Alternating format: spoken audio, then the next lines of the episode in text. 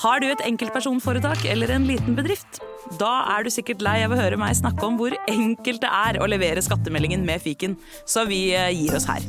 Fordi vi liker enkelt. Fiken superenkelt regnskap. Å drive en bedrift uten regnskapsprogrammet TrippelTex er litt som å piske krem uten miksmaster. Det går jo, men det bare tar masse unødvendig tid. TrippelTex, det fleksible regnskapsprogrammet som forenkler hverdagen for over 100 000 fornøyde kunder. Prøv gratis på TrippelTex.no. Ungsamtalen fra DNB er økonomisk veiledning tilpasset deg som er ung. Bokk en ungsamtale på dnb.no. ung. Ok, det var jo en syk døll måte å forklare ungsamtalen på, da. En smart prat om penga mine, ville jeg sagt. Ikke sånn kjedelig økonomisprat, skjønner du. Bli med inn i hodet til John Ausonius.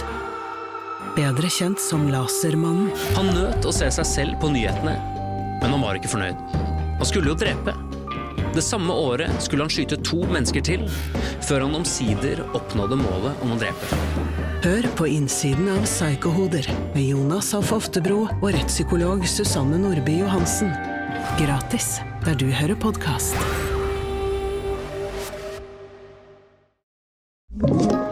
En podkast fra Podplay. Denne episoden kan være skremmende for enkelte lyttere.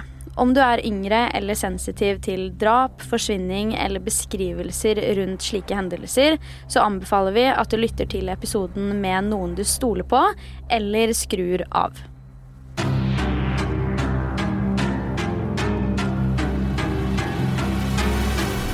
Hallo og velkommen til en helt ny episode av Forsyningsfredag podcast. Og velkommen tilbake til en episode som skal handle om en seriemorder.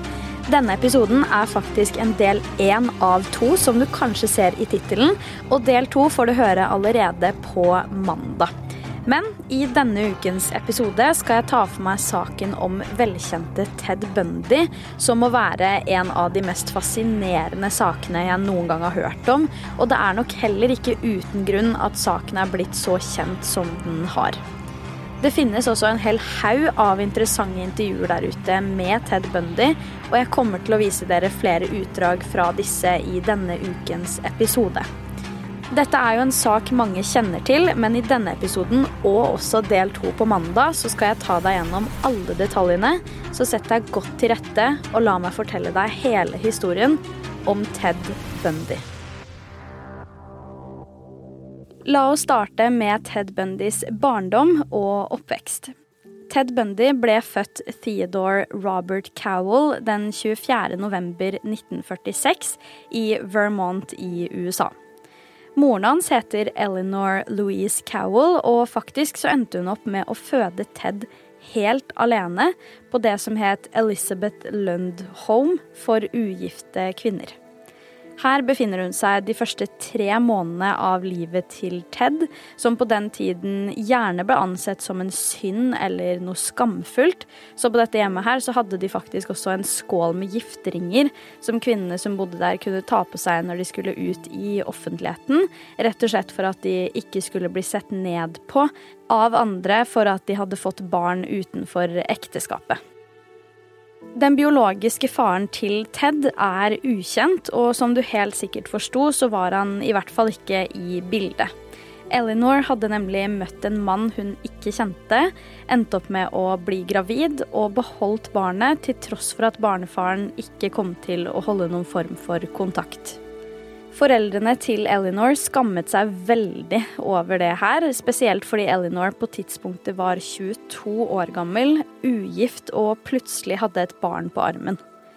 De nekta faktisk å anerkjenne at dette hadde skjedd i det hele tatt, og anerkjente i hvert fall ikke de tre månedene Eleanor var på Elizabeth Lund Home.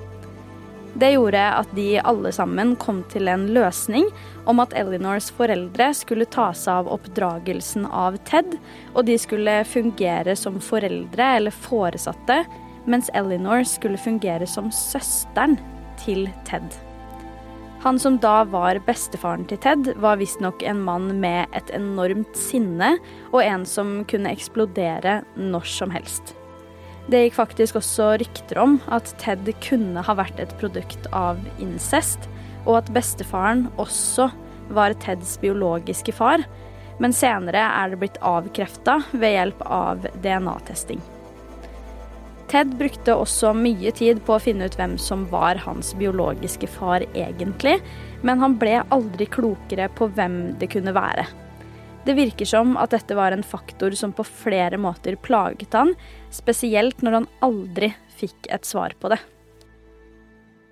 Ted levde størsteparten av oppveksten sin med å tro at besteforeldrene var foreldrene, og at Eleanor, altså moren hans, egentlig var søsteren hans. Dette var frem til Eleanor, altså hans biologiske mor, bestemte seg for at hun og Ted skulle flytte til Tacoma og bo med kusina og fetteren, nemlig Alan og Jane Scott. Samtidig bytta hun sitt eget og Teds etternavn fra Cowell til Nelson. I 1951, året etter at de hadde flytta, møter faktisk Eleanor en mann ved navn Johnny Bundy. Han var en kristen ung mann som jobba på kjøkkenet på det lokale sykehuset i Tacoma, og de to møttes faktisk i metodistkirken på en arrangert kveld for single voksne. Eleanor og Johnny fant tonen veldig raskt, og allerede senere det samme året ender de opp med å gifte seg, og Johnny adopterer faktisk Ted til å bli hans eget barn på papiret. Endelig hadde Ted, som nå hadde fått etternavnet Bundy, en farsfigur i livet sitt. Man skulle jo tro at dette er starten på en solskinnshistorie, men snarere tvert imot. Sammen får nemlig Eleanor og Johnny fire barn, og Johnny ønsket å være verdens beste familiemann. Til tross for det kom han liksom aldri inn på Ted, for han tok nemlig veldig avstand, og hadde også sagt til en kjæreste han hadde i tenårene, at Johnny var ikke den ekte faren hans, at han ikke er særlig smart, og at han i hvert fall ikke tjente nok penger. Det at Ted endte opp med å få fire søsken, var heller ikke noe han syntes var særlig lett. I ettertid har han sagt at det plaget han, og at det tok bort fra forholdet han hadde med moren sin, for kjærligheten måtte jo nå deles på fem, i stedet for at han fikk 100% av den, slik han var vant til. Akkurat det snakka vi jo om i episoden om Paris Bennett også, så det er absolutt ikke unaturlig at et barn har en eller annen følelse overfor det, spesielt når de er unge. Da Ted var ferdig på videregående i 1965, bestemte han seg for at han skulle studere, og begynte på universitetet i Pudget Sound, hvor han da går et år før han videreføres til universitetet i Washington for å studere kinesisk. Tidlig i 1968 bestemmer han seg imidlertid for å droppe ut av studiet og heller begynne i jobb, så på dette tidspunktet jobbet han hos flere dårlig betalte jobber, men han ville heller det enn å studere på daværende tidspunkt. Det som er interessant her, er at Ted Bundy selv har sagt at han på universitetet i Washington møtte en kvinne som senere er blitt identifisert som Diane Edwards. Han hevder at dette er den eneste kvinnen han noensinne elsket, til tross for at han senere skal forlove seg med en annen kvinne. Denne Diane Edwards flyttet uansett fra Washington til San Francisco våren 1968, rett etter at Ted hadde droppa ut av studiet. Den samme sommeren fikk Ted et stipendiat ved Stanford-universitetet for å studere kinesisk der i stedet, så da bestemte han seg for at han skulle begynne der høsten 1968, og besøkte visstnok Diane ofte i denne tidsperioden. Visstnok skal disse to egentlig ha innledet et forhold, men i august 1968 avsluttet Diane Edwards forholdet, og har fortalt at det var fordi Ted både var umoden og ikke hadde en plan for livet sitt. Diane drar tilbake til familien sin i California, mens Ted står nå på bar bakke med kjærlighetssorg. Som et resultat av det så bestemmer Ted seg for å sette seg i bilen og kjøre til Arkansas og Philadelphia, besøke noen familiemedlemmer og deretter komme seg av gårde igjen. Her får han visstnok tatt et år innenfor studiet sitt på Temple University, og ryktene skal også ha det til at han i tillegg gjorde en ganske stor innsats mens han var her, i å finne ut av familietreet sitt. Hvem var egentlig hans biologiske far? Hva er opphavet hans? Dette plaget han åpenbart. Ted dro tilbake til Washington et år etter at han dro derfra, og var tilbake i Washington på høsten i 1969. Det er på dette tidspunktet at han møter sin nye flamme, Elizabeth Klupfer. Ted og Elizabeth møttes på en bar i Seattle i Washington da de begge var i sine tidlige 20-år. Elizabeth har fortalt at hun umiddelbart var fascinert av Ted og alt ved han, så det er ikke så lenge etterpå at Ted og Elizabeth finner tonen. Elizabeth selv var en alenemor fra Utah, og på tidspunktet jobbet hun som sekretær på universitetet i Washington. Hun var en nydelig ung jente, og Teds nære kollegaer mente at det omtrent var en selvfølge at han skulle ha en så nydelig og vakker ung kvinne som sin kjære. I midten av 1970 fikk Ted opp øynene for en ny interesse, nemlig psykologi. Her gjorde han det ufattelig bra og utmerka seg faktisk som en stjerneelev i tillegg, og fikk veldig gode tilbakemeldinger fra alle forelesere han hadde. Rundt et års tid senere tok Ted på seg en jobb i en lokal hjelpelinje for mennesker som har selvmordstanker. På dette tidspunktet hadde han jo vært sammen med Elizabeth i noen år, og han hadde også blitt introdusert for Elizabeths datter, nemlig Molly, som var tre år gammel da Ted og Elizabeth først ble sammen. Fordi faren til Molly ikke var i bildet, tok det heller ikke lang tid før Ted nærmest fungerte som en farsfigur for henne, og det er i bunn og grunn bare solskinnshistorier å fortelle fra de første årene til denne lille familien. For å male et bilde av hvordan livet deres så ut på den tiden her, så var Ted en veldig typisk familiefar, godt likt av alle, hadde høyere utdanning, elsket å leke med Molly og brukte all sin tid utenfor jobb på å pleie familien sin. Molly elska Ted, og det samme gjorde Elizabeth. Elizabeth var stormende forelska i kjæresten sin, og hun gleda seg til å endelig en dag kunne gifte seg med han. Som ung voksen var Ted Bundy alt annet enn hva man kanskje tenker seg at en drapsmann eller seriemorder skal være. Han studerte jo psykologi på universitetet i Washington. Han jobba frivillig på en sentral for mennesker som hadde selvmordstanker, var politisk aktiv, og mennesker i hans nære sirkel mente til og med at han antageligvis hadde en lys fremtid innenfor politikken. Ted hadde virkelig livet sitt på stell, og var på tidspunktet også forlovet med Elizabeth. Tidlig i 1973 ble Teds søknad inn på jusstudiet godkjent, og han begynner på et nytt studie. Her er det mange som har sterke meninger rundt hva som egentlig var intensjonen til Ted rundt å begynne på dette studiet. Det samme året kom han nemlig på nytt i kontakt med Diane Edwards, som hadde avslutta forholdet deres noen år tidligere, før han møtte Elizabeth. Da han tok opp kontakten med henne igjen, fortsatte likevel forholdet med Elizabeth uten at verken hun eller Diane visste om relasjonen til den andre.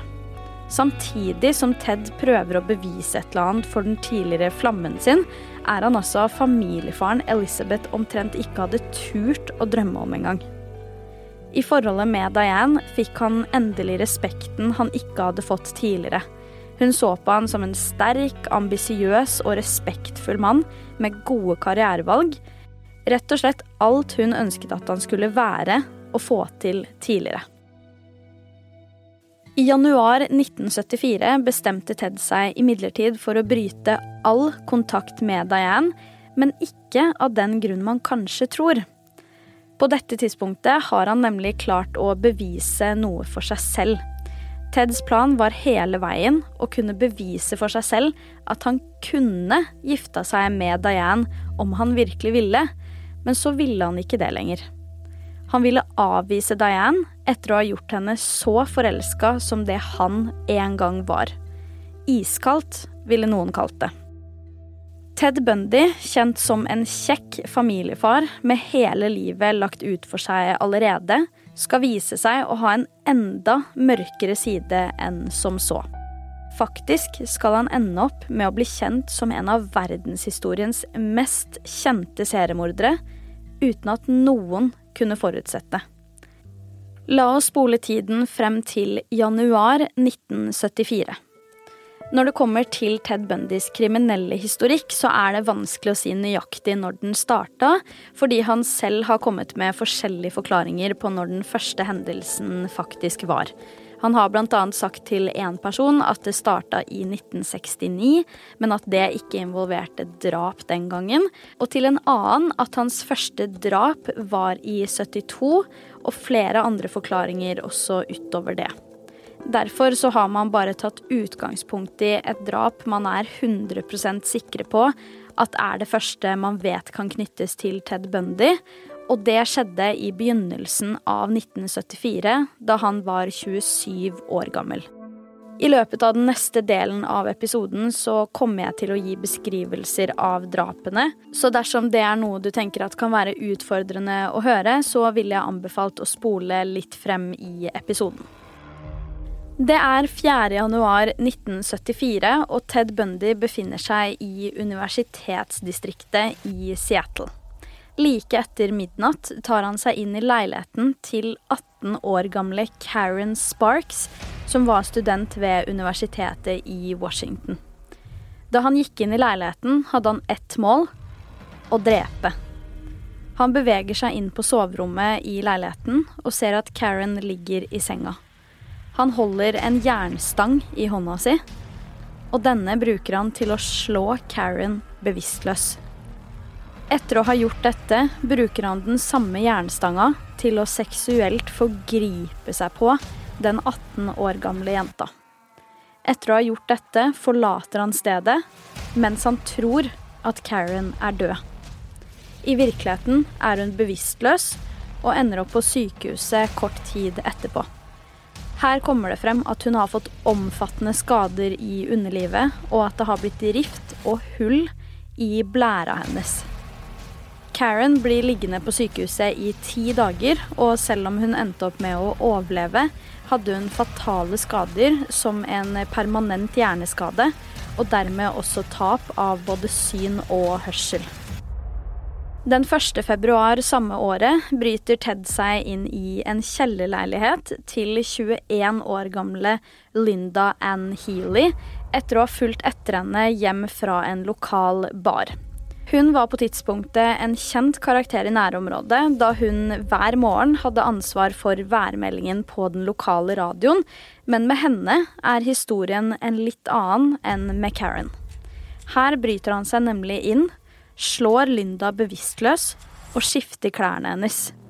Han tar på henne en blå olabukse, en hvit skjorte og støvletter, før han tar henne med seg ut i bilen. Ted starter bilen raskt og kjører av gårde til et avsidesliggende område. Her brutalt voldtar han stakkars Linda, før han dreper henne og dumper liket i skogen like i nærheten. Har du et enkeltpersonforetak eller en liten bedrift? Da er du sikkert lei av å høre meg snakke om hvor enkelt det er med kvitteringer og bilag i fiken, så vi eh, gir oss her, vi. Fordi vi liker enkelt. Fiken superenkelt regnskap. Vi i Rema 1000 kutter igjen prisene. Nå på en mengde påskefavoritter. For eksempel kutter vi minst 25% på 2 ganger 600 gram grillpølse fra Gilde, 10-pakk Chicago pølsebrød fra Hatting, 7-pakk tulipaner og andre påskefavoritter. Alt dette og enda flere priskutt på minst 25% For det er sluttsummen på påskehandelen som teller. Og husk at vi fortsatt har fryst prisen på over 1000 varer. Ungsamtalen fra DNB er økonomisk veiledning tilpasset deg som er ung. Bukk en ungsamtale på dnb.no. slash ung. Ok, Det var jo en syk døll måte å forklare ungsamtalen på, da. En smart prat om penga mine, ville jeg sagt. Ikke sånn kjedelig økonomisprat, skjønner du. I den første halvparten av 1974 både forsvant og døde universitetselever rundt én gang i måneden, og det kunne nesten virke som at det var et rituale for Ted, noe han bare måtte gjøre.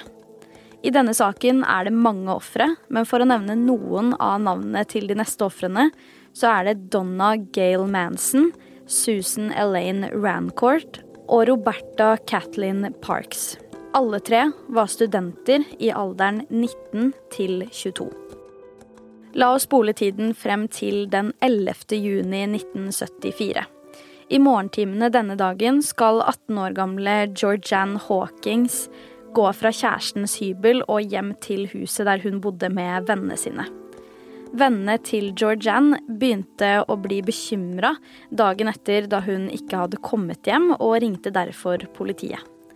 De visste jo også at det hadde vært en haug av unge jenter som allerede hadde forsvunnet og blitt drept det samme året, så denne bekymringsmeldingen tok de på største alvor. Vennene visste jo også at hun hadde vært hos kjæresten sin, og at hun skulle komme hjem samme kvelden. Gangavstanden mellom hybelen og huset var heller ikke lang i det hele tatt, så politiet søkte denne veien opp og ned, frem og tilbake, men fant ingenting. Det er ikke før senere at Ted Bundy selv innrømmet at han hadde lurt med seg Georgianne inn i bilen sin og slått henne bevisstløs med et brekkjern. Videre hadde han tatt henne med seg så mye som 30 km fra universitetet, voldtatt henne og deretter drept henne.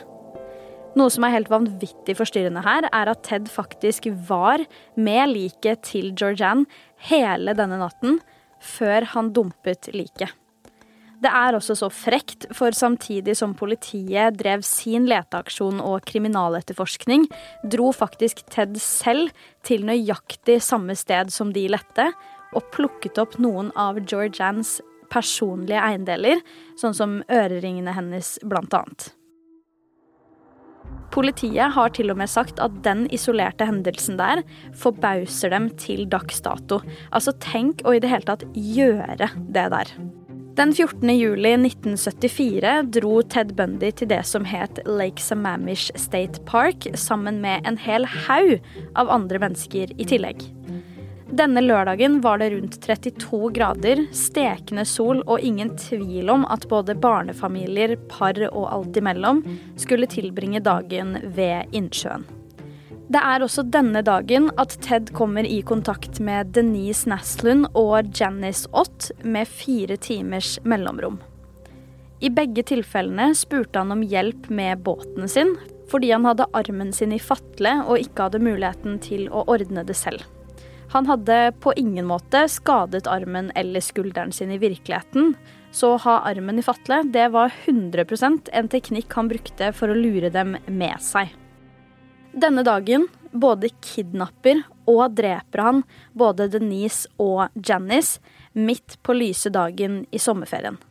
Politiet ber da alle som var der den dagen, om å sende politiet bilder og videoer som kan ha blitt tatt den dagen, og de ber alle vitner om å melde seg, slik at de kunne få en bred oversikt over situasjonen. Det er sånn politiet fikk vite at den aktuelle mannen hadde gått rundt og kalt seg Ted, og mange vitner hadde lik beskrivelse av hvordan han så ut i tillegg. Etter denne hendelsen offentliggjorde politiet en fantomtegning i håp om tips fra publikum. Det som er veldig interessant her, er hvordan Elizabeth, altså kjæresten til Ted Bundy, håndterte alt dette samtidig som det foregikk. For i løpet av dette året hadde jo politiet gått ut med diverse fantomtegninger, og i sammenheng med det hadde Elizabeth også fått flere kommentarer på at disse ligna på Ted. Selv har Elizabeth sagt at hun ikke trodde at han var skyldig, men at hun merket noen plutselige endringer i oppførselen hans. Hun sier at hun var redd for å miste han, og at hun tenkte at han i verste fall var utro. Etter hendelsen den 14. juli 1974, da fantomtegningen ble offentliggjort, begynte Elizabeth imidlertid å bli bekymra. Hun så jo tegningen selv, og syns til og med at den ligna farlig mye på kjæresten sin. Det er i sammenheng med dette at Elisabeth anonymt ringer inn til tipsetelefonen til politiet og forklarer situasjonen, og at mannen hun melder inn, kjører en Volkswagen.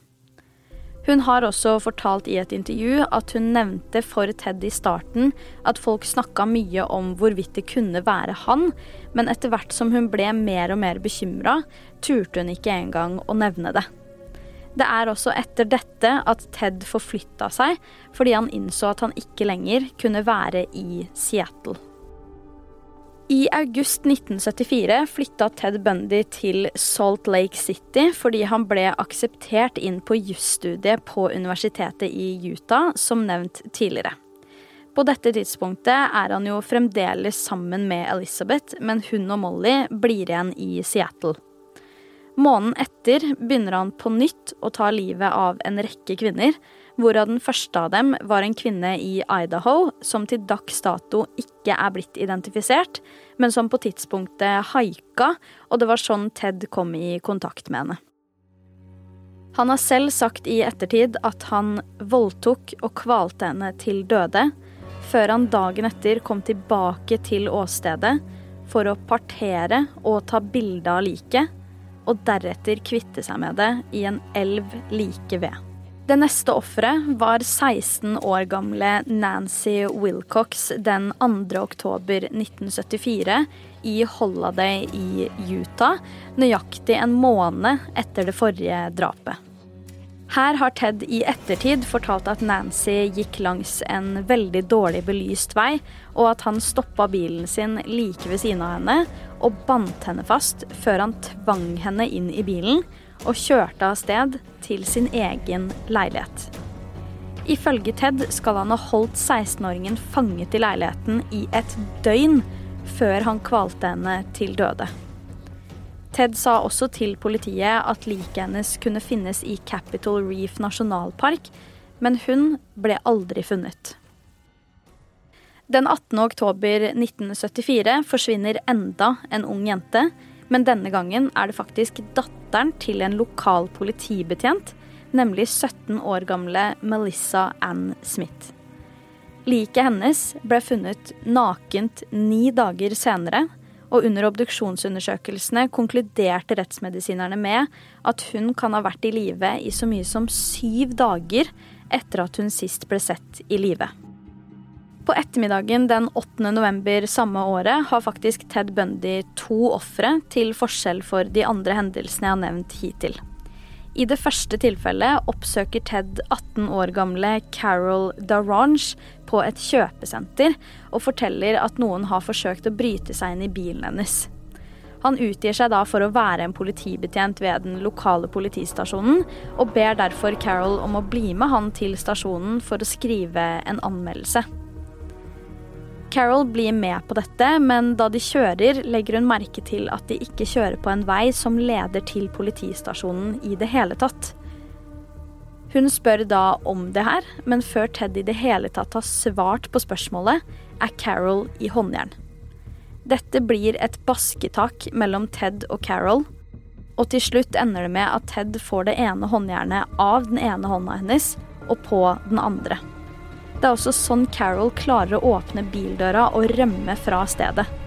Carol Darange overlevde uten noen vanvittige skader, men det kunne gått veldig, veldig galt. Senere den samme dagen befinner Ted seg på parkeringsplassen til en skole. 17 år gamle Deborah Jean Kent var samtidig ferdig på skolen og skulle egentlig gå for å hente lillebroren sin. Så langt kommer hun aldri, for Ted lurer henne nok en gang inn i bilen sin og kjører av sted. Også denne gangen har Ted innrømmet at han tok med seg 17-åringen hjem til sin egen leilighet, og sagt at han tror at han hadde henne i leiligheten i rundt 24 timer. Politiet spurte i et avhør om hun var i live gjennom hele døgnet, og da svarte Ted følgende. La oss se, gjennom halve tiden. Det er en overlevende kvinne jeg har lyst til å snakke litt om, nemlig Rhonda Stapley. Hendelsen skjedde i oktober 1976, og Rhonda Stapley var på tidspunktet en farmasistudent ved universitetet i Utah. Hun sto i utgangspunktet på en bussholdeplass og venta på bussen som skulle gå til universitetet, men den var forsinka. Plutselig så ruller en fremmed Volkswagen-bil inn på bussholdeplassen, og en ung mann ruller ned vinduet. Han spør hvor hun skal, og Ronda sier at hun skal til universitetet. Denne mannen sier at han også skal det, så hun kunne jo like gjerne sitte på bort. Da de sitter i bilen, spør han hva hun heter, Ronda svarer og spør tilbake hva denne mannen heter. Han sier at han heter Ted, og at han er jusstudent ved universitetet i Utah. Ronda Stapley har faktisk også uttalt seg om hendelsen på Dr. Phil Show i 2016, så her er et lite utdrag fra det. I was at a city park waiting for a bus to take me back up to campus. The bus was late. I was getting frustrated. And then this tan Volkswagen drove by very slowly. Cute driver kind of looked at me as he went past, and then he stopped and backed up and leaned over and rolled down the passenger window and asked me where I was going. I told him I was going up to the U, and he said, Me too, hop in. So I opened the door and got in. So you drive off, and what was his demeanor? Lighthearted, we just had the normal conversation that strangers would have. Was very polite and asked my permission if it would be all right if he took a little detour. He told me he had to run an errand up by the zoo, and I told him that would be fine. I didn't care. I thought I would still be home faster than if I had waited for the bus. And I'm thinking that he's probably looking for a place to pull off and park and wants to make out and I don't know him and I'm not really a makeout person, but he's still a cute law student and I don't want to offend him and I don't want to embarrass myself. So I'm thinking of how do I get out of this situation? And then he pulled into a parking place and, and parked the car and turned it off. So at this point, you think, I'm going to have to fend off a romantic advance. Yes. And then he turned in the car seat so he's kind of facing me and he leaned in really close. I thought he was going to kiss me. Instead, he said very quietly, Do you know what? I'm going to kill you. And he put his hands on my throat and started squeezing. My first thought was, it has to be some kind of a joke. This guy's got a weirdest sense of humor. But that was just maybe a fraction of a second because I realized he was squeezing too tightly. He was serious and I was in trouble. And there's no door handle. What did you do? We had a little small battle in the car, but I went unconscious. So he choked you to the point of unconsciousness. Yes. Did you put up a fight? I did as much of a fight as you can put up when you're running out of air. Did you think at that point, I'm going to die? you think I'm dying in this Volkswagen bug right here? I thought I was going to die right there in the car, but he had other, other plans. Så som du hørte, Ronda trodde at hun ble plukka opp av en hvilken som helst kjekk jusstudent, men endte opp med å bli satt i en posisjon der hun var helt overbevist om at hun kom til å bli drept i bilen til en fremmed mann. Jeg kan jo ikke engang se for meg hvor forferdelig traumatiserende det må ha vært i en så forferdelig situasjon, og samtidig forsøke å holde hodet kaldt og tenke klart. Det at hun overlevde det her, er jo beundringsverdig i seg selv. Etter hvert som drapene rundt om i USA forflytta seg parallelt med hvor Ted befant seg, ble Elizabeth enda mer bekymret og følte seg egentlig overbevist om at det måtte være han som var skyldig. I november 1974 endte hun derfor opp med å ringe til politiet nok en gang, og denne gangen ønska politiet å avhøre henne personlig.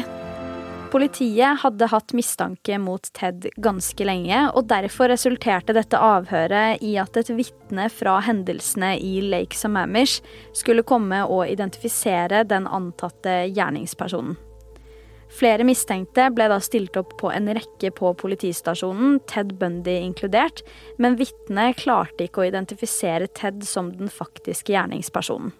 I desember samme år ringer Elisabeth nok en gang til politistasjonen og gjentar at hun er mistenksom på sin egen kjæreste.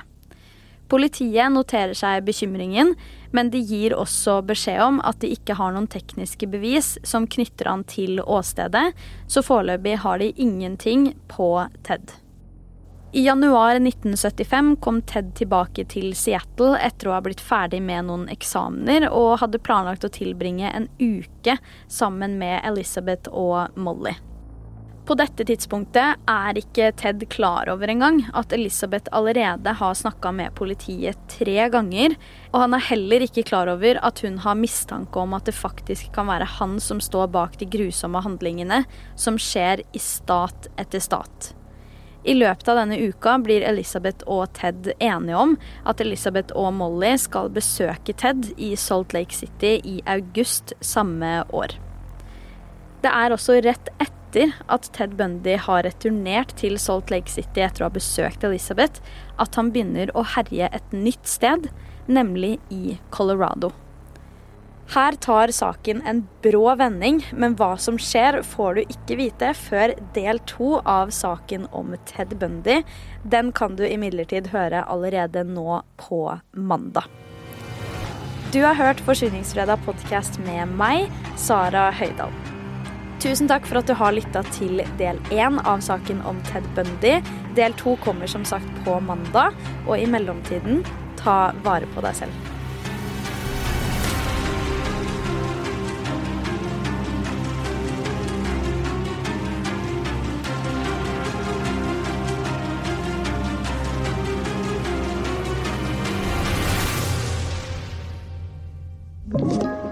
Du har hørt en podkast fra Podplay. En enklere måte å høre podkast på. Last ned appen Podplay eller se podplay.no. Har du et enkeltpersonforetak eller en liten bedrift? Ikke det? Nei. Nei, men da holder vi det enkelt og gir oss her. Fordi vi liker enkelt. Fiken superenkelt regnskap. Vi i Rema 1000 kutter igjen prisene, nå på en mengde påskefavoritter. Du får f.eks. minst 25% priskutt på appelsiner i løsvekt, familiepakning med vaffelmiks fra Toro, tipakk Rige kakao fra Freia og andre påskefavoritter. Alt dette og enda flere priskutt på minst 25% For det er sluttsummen på påskehandelen som teller. Og husk at vi fortsatt har fryst prisen på over 1000 varer. Ungsamtalen fra DNB er økonomisk veiledning tilpasset deg som er ung. Bokk en ungsamtale på dnb.no. ung. Ok, det var jo en syk døll måte å forklare ungsamtalen på, da. Hæ? En smart prat om penga mine, ville jeg sagt. Ikke sånn kjedelig økonomisprat, skjønner du.